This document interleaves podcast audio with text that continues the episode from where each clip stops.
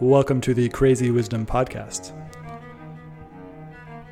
So, you might have noticed that the world has gone a little bit insane. Um, and to get through this in a way that is sustainable and maybe even joyous, we are going to have to find some crazy wisdom, uh, which is why I named the podcast Crazy Wisdom. And I try to find guests who are both contrarian and right, uh, as well as people who can help us to understand how we can get through this period of both acceleration as technology accelerates and maybe even a little bit of darkness uh, as well as some of you may have been noticing really crazy stuff is happening right now. So um, my goal with this show is to empower you with crazy wisdom uh, and give you the tools to figure out how to do it on yourself because we don't can't rely on too much these days uh, so, with that being said, if you like what I'm offering with this show, I'm on Twitter at Stewart Alsop III. My DMs are open. I'd love to hear from you about how this show has affected you. Thanks. Have a great day.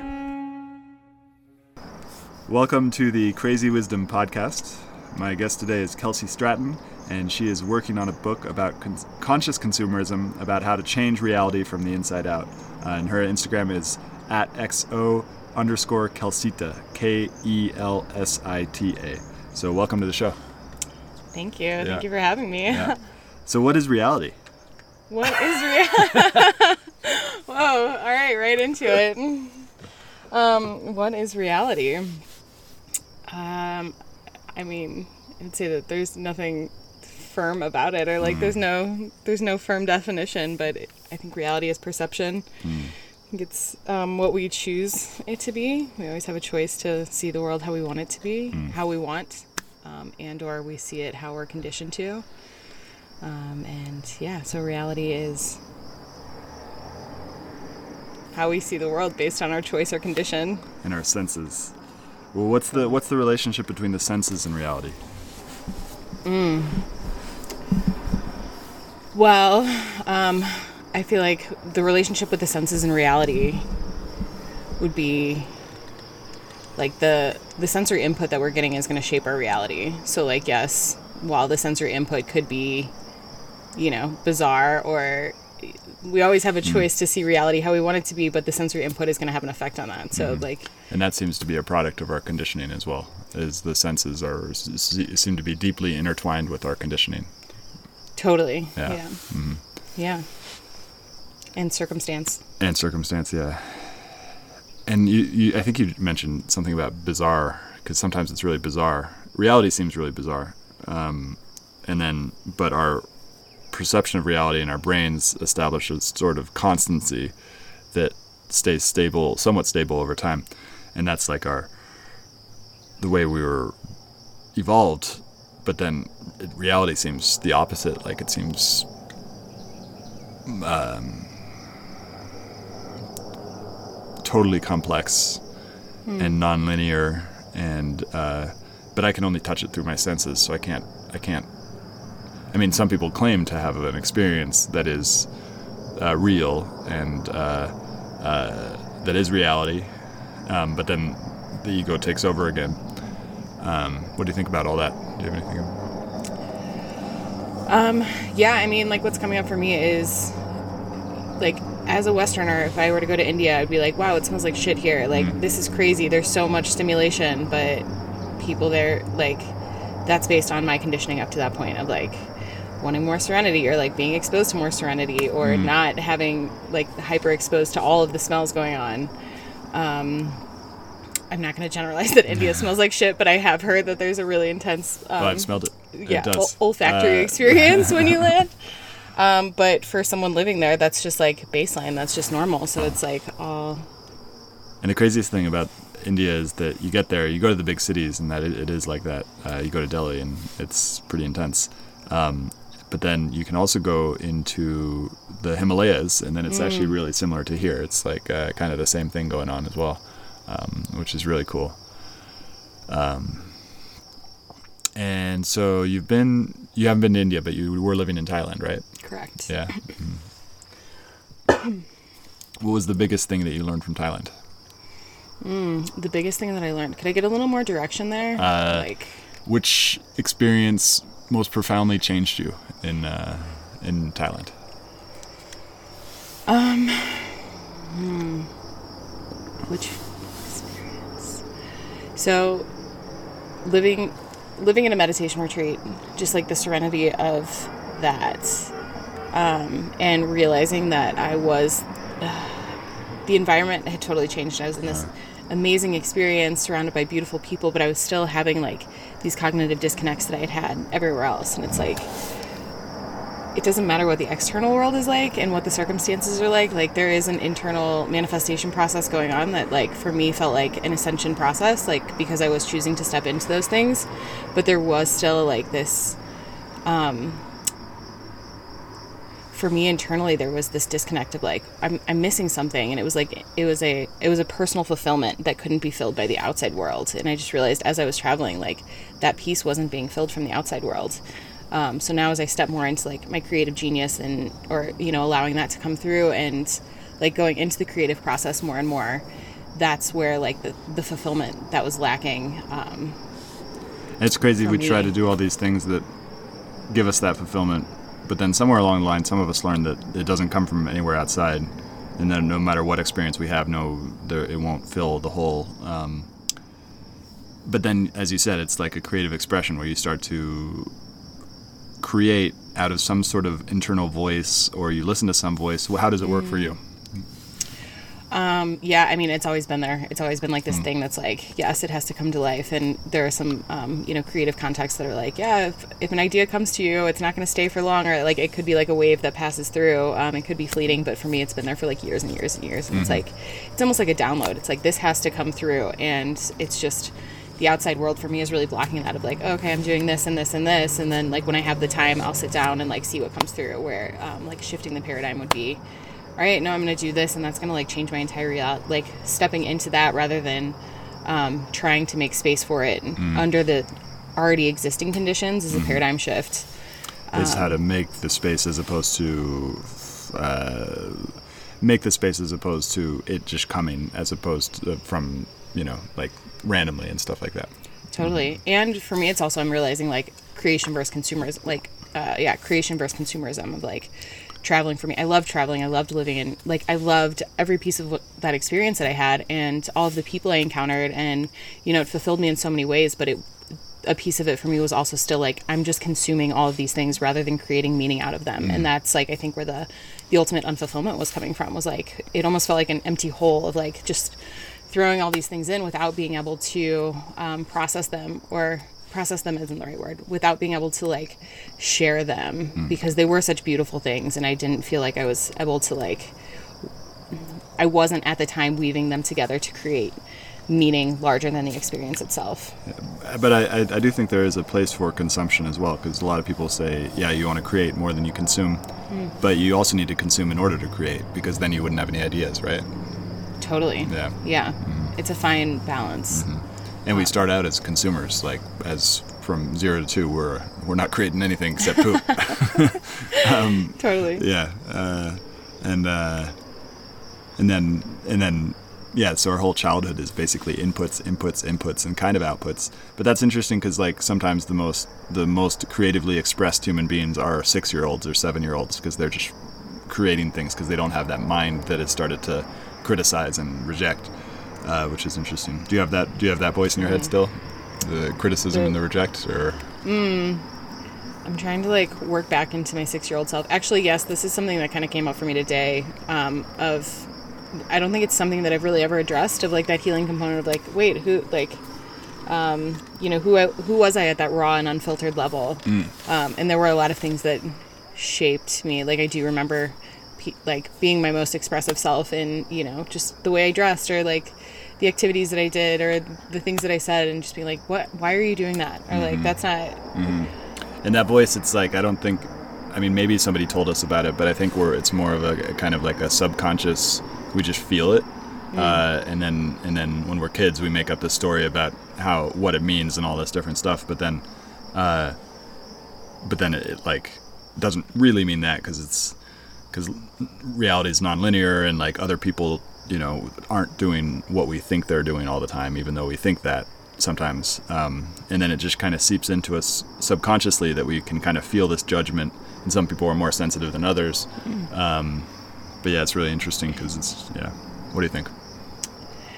Yeah, um, I mean, I love the, I love the non the non-linear nature of that. Um, where like we have we live our lives, and all of these things happen, and sometimes we are in control of them or not. Like you know, we we incarnate or whatever you, whatever anyone believes, um, and then you know we have these conditions that are set upon us, and then you know maybe we're like way later in lives in our 20s 30s 40s even 50s and going back to those experiences and being able to like heal them at a, at a quantum level. It's like we can heal those pieces. It doesn't have to be this um, you know this thing happened like i got a cut on my leg and then i put a band-aid on it and it healed it's like 30 years later i might look back on that cut and and have to go through that and process it and heal it at that point but it's mm. still this like nature of wow that was healing that moment 30 years ago or 10 years ago or whenever. Yeah, that's the strangest part. And it's for me that it has a lot to do with not because I have a certain story in my head about a certain experience when I was younger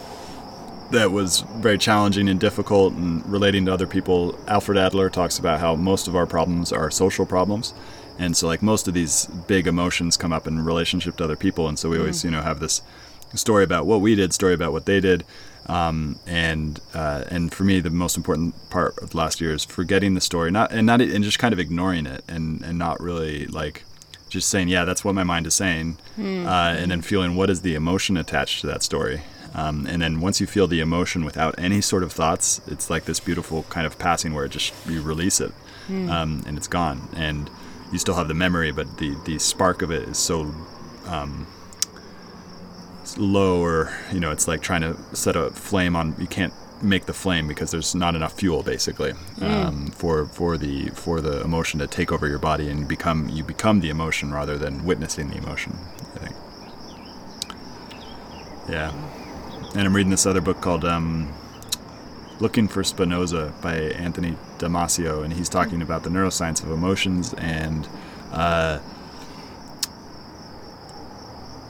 so one of the most interesting part is we have the part of the brain called the periaqueductal gr- uh, gray, PAG, and it's really wrapped up with the amygdala and the hippocampus. And so, in, for people with PTSD, they have a, the amygdala basically grows really big um, mm. and takes over.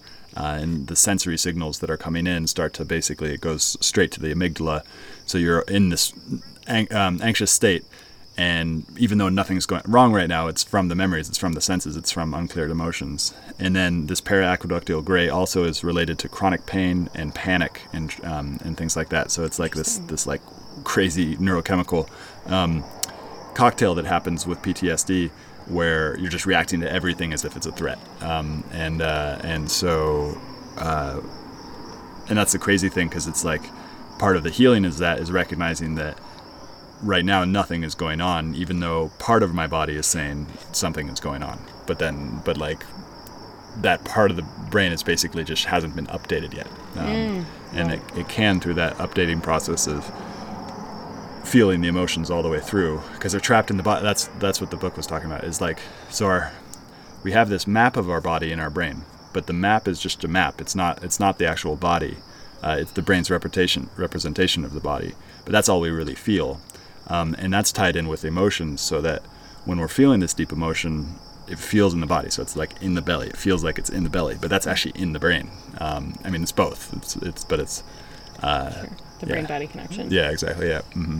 So, are you saying that PTSD or something similar is like it almost what I'm getting from it is a hyper like almost like a hyper swollen sense of like sense of of memory that's and like causing these emotions to just continue to play out re- regardless of what's actually happening in the in the um, immediate environment. Yeah, it's, so it's yeah we we, we it, you know some might call it a block, some might call it fear, but there it's a trapped emotion. Particularly for PTSD, it's like it's like there's fear mm. um, st- trapped in the body because whatever that emotion at that time was so overwhelming that we had to basically store it in the body and that's actually uh, something yeah. i got from Christopher Wallis is that that's the beauty of life is that we're given these bodies that can essentially absorb these things and then uh, that were too big to deal with at the time and then somewhere along the road we get the strength and the courage to actually look at it ah. uh, and then we can go back and, and then that process makes us stronger as well so it's like which leads to post-traumatic resilience um, or post-traumatic mm. strength uh, is that uh, the stress is basically like fuel, given the right framework or given the right attitude. Um, uh, stress can be essentially a fuel for, for further growth. Wow. What do you think?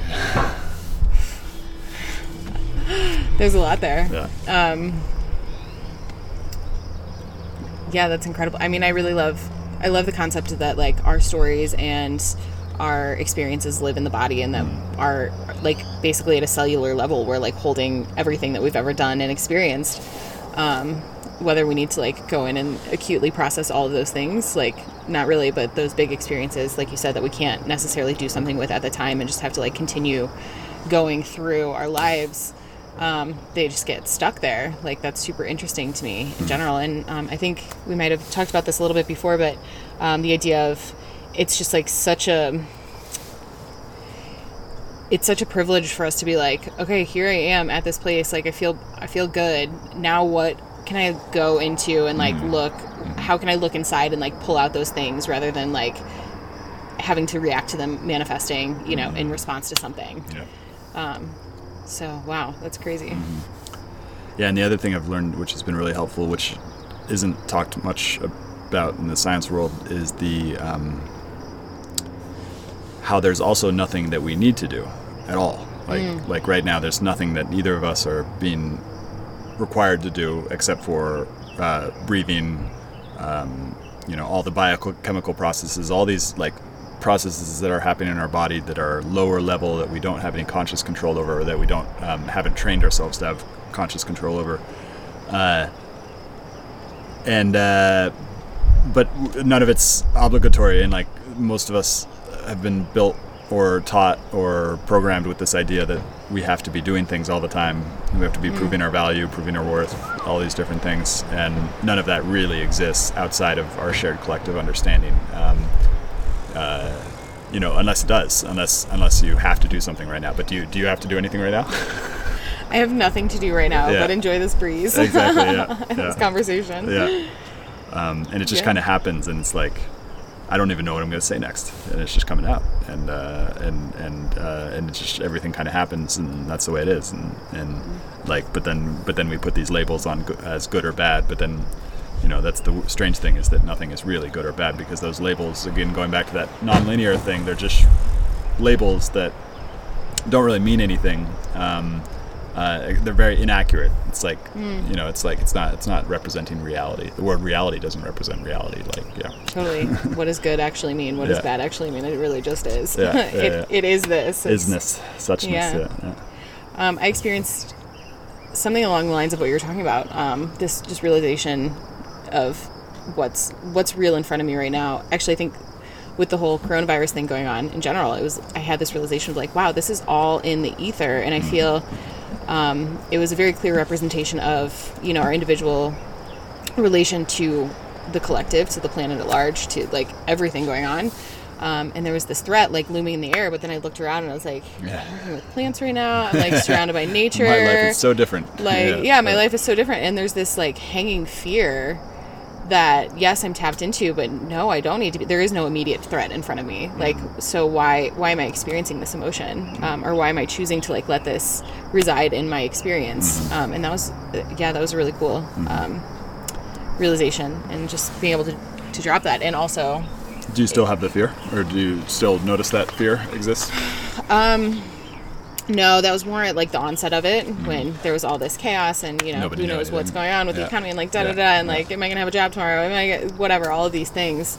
Um, but it was like you know right now I'm like I'm I'm doing this thing Mm-hmm. and this is lovely and how can I embody that more? How can I embody this like total? I don't want to say 3D because there's so much more than th- the 3D, but like how do I drop into like that 3D reality so deeply and experience what's going on there to like really fulfill the richness of Mm. um, yeah, like the rest of the realms. Let's get into that. What other realms are there? Well, um, you know, I can't say for sure, but I do feel like we operate on, you know, 40, definitely a 4D, some some people on a 5D reality, and I, I, I do believe they go beyond that in general. Um, I think for most of a lot of civilization we've been operating on a, a pretty purely 3D reality um, while still having access to like 4 or 5D consciousness. Um, but there was more of a cloud over it, or more of like the conditioning, or more of um, just a little less, um, yeah, just more conditioning, more of more density between those between the layers. Um, and I feel like we're at a time right now where the veil is very thin. Um, so like the sages and the, you know like the the super wise ones that would have this message, like they their veil, their personal veil was thin, and now I feel like we're just moving towards a time where everyone's veil is really thin, and we are we have more connection to um, those higher realms of consciousness at all times. And so 4D is like time, right? Space and time. Uh, I honestly don't know how to answer that. Okay. I mean, I feel like, like for me, how I would experience 4D. I don't, I don't know what the real answer is to Uh-huh, this. yeah, yeah. What is reality? Yeah. Um, I don't know what the real answer is, is, but it's like okay, so right now, like there's we're in this physical, like the 3D world is like the tangible, tactile world. Um, 4D would be uh, like higher consciousness. Um, so I guess my understanding of it is like the 3D, like a 3D operating, human operating would be more like ego based, more like um, just purely primal of of the earth. Uh-huh. Um, and then the 4D It's like consciousness would be a little more access to our, our higher guidance system. it sounds a little bit in the realm of non-duality and because we have duality and like obviously duality is there in our minds because it's like things are good or bad you know that thing's white that thing is different than me um, and so i've created a separation between those two things but then in reality who knows they might all be of the same stuff. They are the same stuff right? Because it's like energy can't be destroyed or, or created. It's just it's constantly recycling and that's the way that it looks like the rest of the the universe works is kind of through this recycling type of uh, situation. What do you think about that? Yeah, totally. I mean, if energy is just being recycled, like as you were saying that, I just got this weird representation of like, wow, there's like some fucked up stuff going on, and I don't want that like recycled into my own experience. but with that, um, having like pure intention or like an intention to like, uh, like as we as we choose to ascend our own perceptions or um, experiences, or you know, become more connected to uh, just like higher guidance and, and healing and light work, whatever. It's kind of taking all of all the shit and the pain in the world and like being like, okay, yeah, actually, like bring that in and uh, like let's see what we can do with it. So recycling it through the ether, through like the collective, um, and then also. So like from the the macro to the micro level, okay, that's cool. Like I can take that pain in, and like I can hold that actually, and I can do something with that. uh, it sounds like alchemy as well Um, totally. yeah which is so funny because like the godfather of sci- science isaac newton was also trying to create gold out of uh, what was it? He's trying to lead. He's trying to turn lead into gold. And that was physical alchemy. So that was trying to like create one thing out of another which i guess we can kind of do now. Um, but then there's the spiritual alchemy as well which is to take pain and create pleasure out of it or to uh, take sorrow and uh, create beauty or you know it's like and and um, Jung got into a lot of this with um, most people don't know that the chakra system that we've that the West has adopted is not necessarily the chakra system that was uh, developed in India. There was actually many different chakra systems that were developed in India uh, with different numbers and different stations in the body, and, and it depended on which lineage you were a part of that uh, that you would follow one or the other, and it also spanned over thousands of years.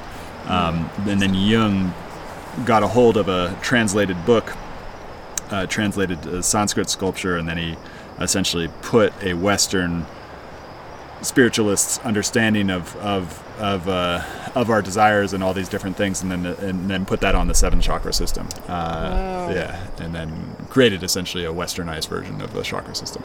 Um, I've always seen the chakras as basically Maslow's hierarchy of needs. Uh-huh. So like that's that's interesting. I mean, that's I don't know if there was okay. That's a Jungian idea. Yeah, yeah. Cool. Yeah, it's all wrapped up in it because it's also Oh, been wow. it's also then been from that initial point been remixed uh, indefinite amounts of times and gone back to Mm-hmm. India, so that that the chakra system is also now popular in India among uh, this more modern form of yoga.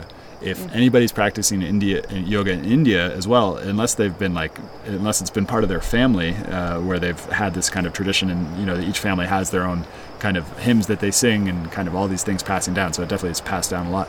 Uh, but then there's this modern, more modern uh, yoga reinterpretation that was mixed, that was remixed together in the 1850s that also exists in India too. So and then came back to the West after. So it went from, and it's it, it's very interesting. It's all story of globalization. But, Wow, yeah. that's so crazy. Yeah. I didn't realize that. Yeah, yeah. Most people don't. There, there's this this book, uh, the the roots of yoga, um, and uh, Yoga Body. Those are the two ones that go into by scholars who kind of track down this story. And uh, have you ever heard of Theosophy before? Or- Theosophy. Yeah. So there's this wo- woman named Madame Blavatsky, um, a Russian woman who was very a popular spir- spiritual teacher in the 1850s, um, and she created a new religion called Theosophy, uh, and Theosophy was kind of popular in the UK, kind of popular in the US, uh, but it got really, really popular in India, um, and uh, uh, they, it's a hugely popular religion, and it actually reintroduced the Bhagavad Gita to Indian culture, basically. Oh, wow. Um, yeah. So there was a time that it was actually lost from their culture. I mean, uh, I'm sure there were people in India reading the Bhagavad Gita the whole way through, but but it wasn't in the popular kind of intellectual culture. Okay. Um, yeah, because yeah, because colonization threw uh, all the you know governments uh, for a loop, like because all of a sudden you had a, a powerful ruling colonized class that would then teach the elite uh, all of their stuff, basically. So the elite turned against uh, like forms of religion and everything like that, uh, and then rediscovered it in a anti-colonization type of way. Um, it was super interesting. Yeah. Wow. Yeah. I mean, I guess it makes sense because, like, really, the or I mean, the even even the people from India that brought yoga to the West, like, it wasn't a popular thing. Like, it was it was kind of looked down upon. Like, oh, you're a yogi. Like Iyengar, like most of his life was like looked down upon as like, oh, you're an acrobat. Like, Yeah. you're doing these things or whatever, without seeing the full like devotional process to it and. Um, so yeah, interesting. And then it came to the like it, it blew up, came to the west, like became this intellectual like, oh yeah, we're all gonna like follow this follow this thing, and it's like Yeah. bringing us enlightenment or whatever, Yeah. like, and and then goes back to India. Yeah. It's just yeah. And the rest of the world too now. Yeah. I want to say like the hero's journey, but like not at all. like the antithesis maybe, or I don't know, yeah. like a fucked up version of the hero's journey. Yeah. But now, and now it's and now it's really interesting because now we have a, a class of people in the in in the big cities in the West and now throughout the world, which are creating a new religion based off of science called scientism, uh, and yoga, yoga asana, and meditation in some ways are becoming the two techniques that solidify this class together. Um, and and most people are like, oh, that's great. They're doing yoga. They're doing meditation. But it's like, well, you know, th- these are cultural practices that are embedded within a cultural context, and then uh, uh, any culture can be used to create an in-group and an out-group. Uh, and I, I think we're going to start to see a lot of out-group type of behavior from this class, just like every other class that exists, because we're all getting really frightened right now. So we're all starting to look towards the out-group to shut them down and, and, and stop them. So um, yeah, it's kind of, I think it's going to get weird. As if it's not already weird. Yeah, yeah, yeah, yeah, yeah, yeah, weirder. yeah. Wow. That's cool. So, you're writing this book. Let's talk. I mean, is everything we've been talking about part of the book, or Um, themes Okay. present themes present. Um, it started out so it started out as a guide to using basically Maslow's hierarchy of needs in terms of of like it started at the base because I don't believe I'm pretty sure that Maslow was not it wasn't like this. You have to have all of these things to like reach self-actualization? self-actualization yeah. Um like it wasn't a linear process of like okay your base is covered this is covered this is covered. Um but from my perspective it's like the more quality we put into every level the like the Easier more it becomes. i don't want to say like the more actualized we'll be but yeah it's just like that that process of um creating, creating the conditions under which self-actualization just happens, basically. yeah and creating like better and better conditions or Uh-huh. like not in a quest for for more and more but just like yeah how can we optimize every condition so that like it just yeah. Happens spontaneously yeah exactly Yeah. Um, so my roots are definitely in healing the healing the body with food and specifically with bacteria and fermentation and like really getting in touch with our base level of needs. Um, I feel like that's really lost. You know, we go to the grocery store and like pick up all this food, even if it is like organic vegetables. It's still like there's still that disconnect of like, okay, this came from a seed. Mm-hmm. Um, it was it was nourished, it was nurtured, like it, it was brought to life, and then mm-hmm. it and then it came to the, and then it got to the grocery store whatever. Mm-hmm. There's there's a large disconnect at our base level of needs and there's also a disconnect of energy um, that we spend like we spend a lot of time outside of that base level of needs to fulfill that base level mm. level of needs mm. like doing work to generate money to buy food just seems a little backwards for me you know? Like what if we spent some of that energy to like actually understand where our food was coming from or like to grow our own food? Um, so it started out as that and has kind of it's grown into this concept of mood food or it grew into a concept of mood mood food but i also it's it's not just linear it's not just food it's not just that level of consumption we consume things every day like you know podcasts books um, conversations um, just media like everything that we consume is is creating some uh, is creating who we are. It's creating our reality like going back to the beginning. So how can we be like completely mindful of that? And not just mindful of like oh this is what is going on. It's like how can we create the conditions that are um, that how can we create the conditions that um, will drive us towards um, for me it's not goal oriented it's not like oh i want this thing at the end so i'm going to create the conditions for it but it's like um, i just noticed like when i listen to more devotional music like bhakti versus like rap like i feel better like i feel more I feel in a higher whole, place. Yeah, yeah, more yeah. connected to the whole, more whatever. Um, nothing against rap. I love I love hip hop and R and B, but um, what any kind of conventional media is just kind of junk food. Um, so yeah, how can we create the conditions all around? Like, how can we surround ourselves with the people? And that also goes back to Maslow's hierarchy of needs. So base level of needs, like, all right, phys- physiologically, like, how can we optimize that? Um, Yeah, I've been thinking a lot about this because uh, for the last four months, my sense of home has radically changed. You're actually sitting in my home right now, Mm. Yeah. which is uh, in my van. Uh, I'm outside the van in my chair, but technically I'm also at home right here. I wonder how far, how close I have to be to my home now to feel like I'm at home.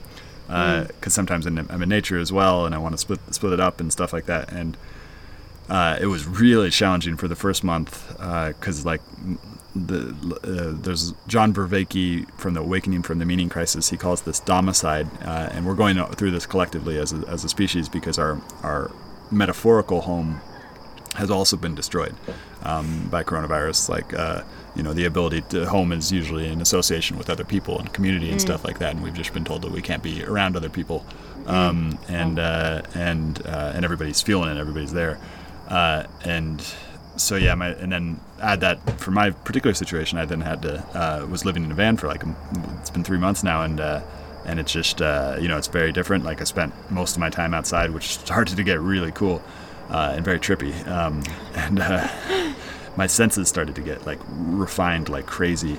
Uh, my hearing, my vision, my um, all these things. So like the the like you said, the veil is dropping basically. So I'm able to connect more deeply with with everything around me.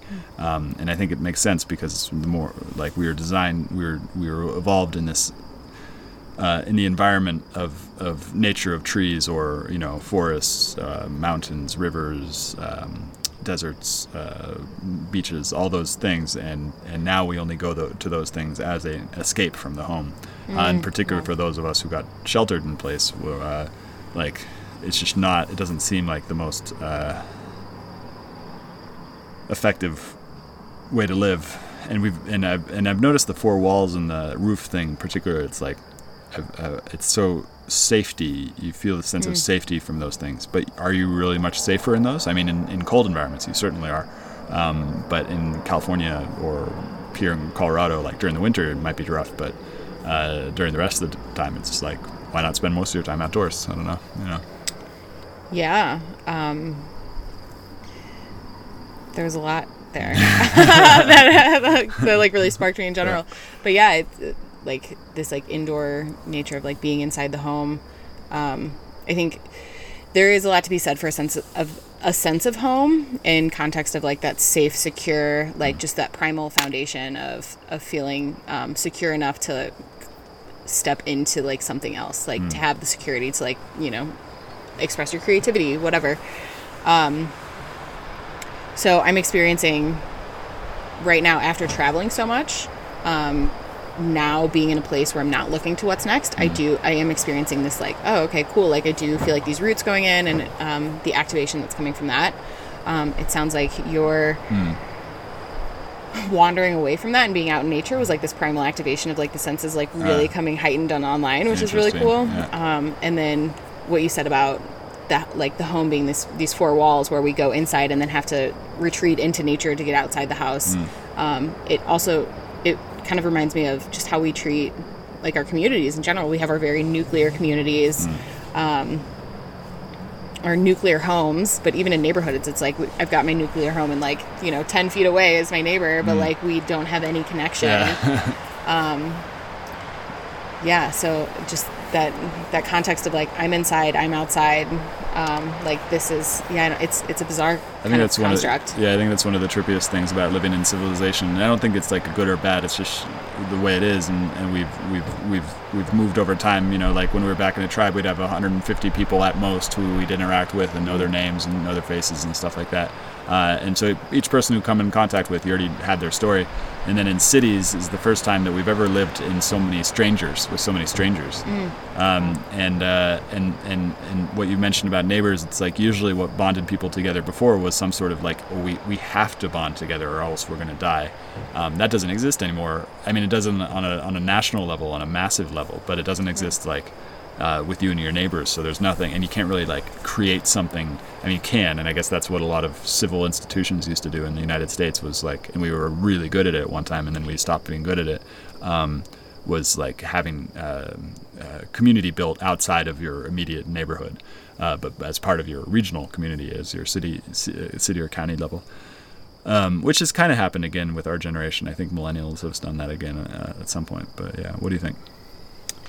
yeah i mean i think the generational thing is like we're seeing all this and it's like how to reintegrate into those ways and like what is what's effective and like what's real what wh- how do we really want to live and how can we like um how can we tap into that aside from the way that it already is?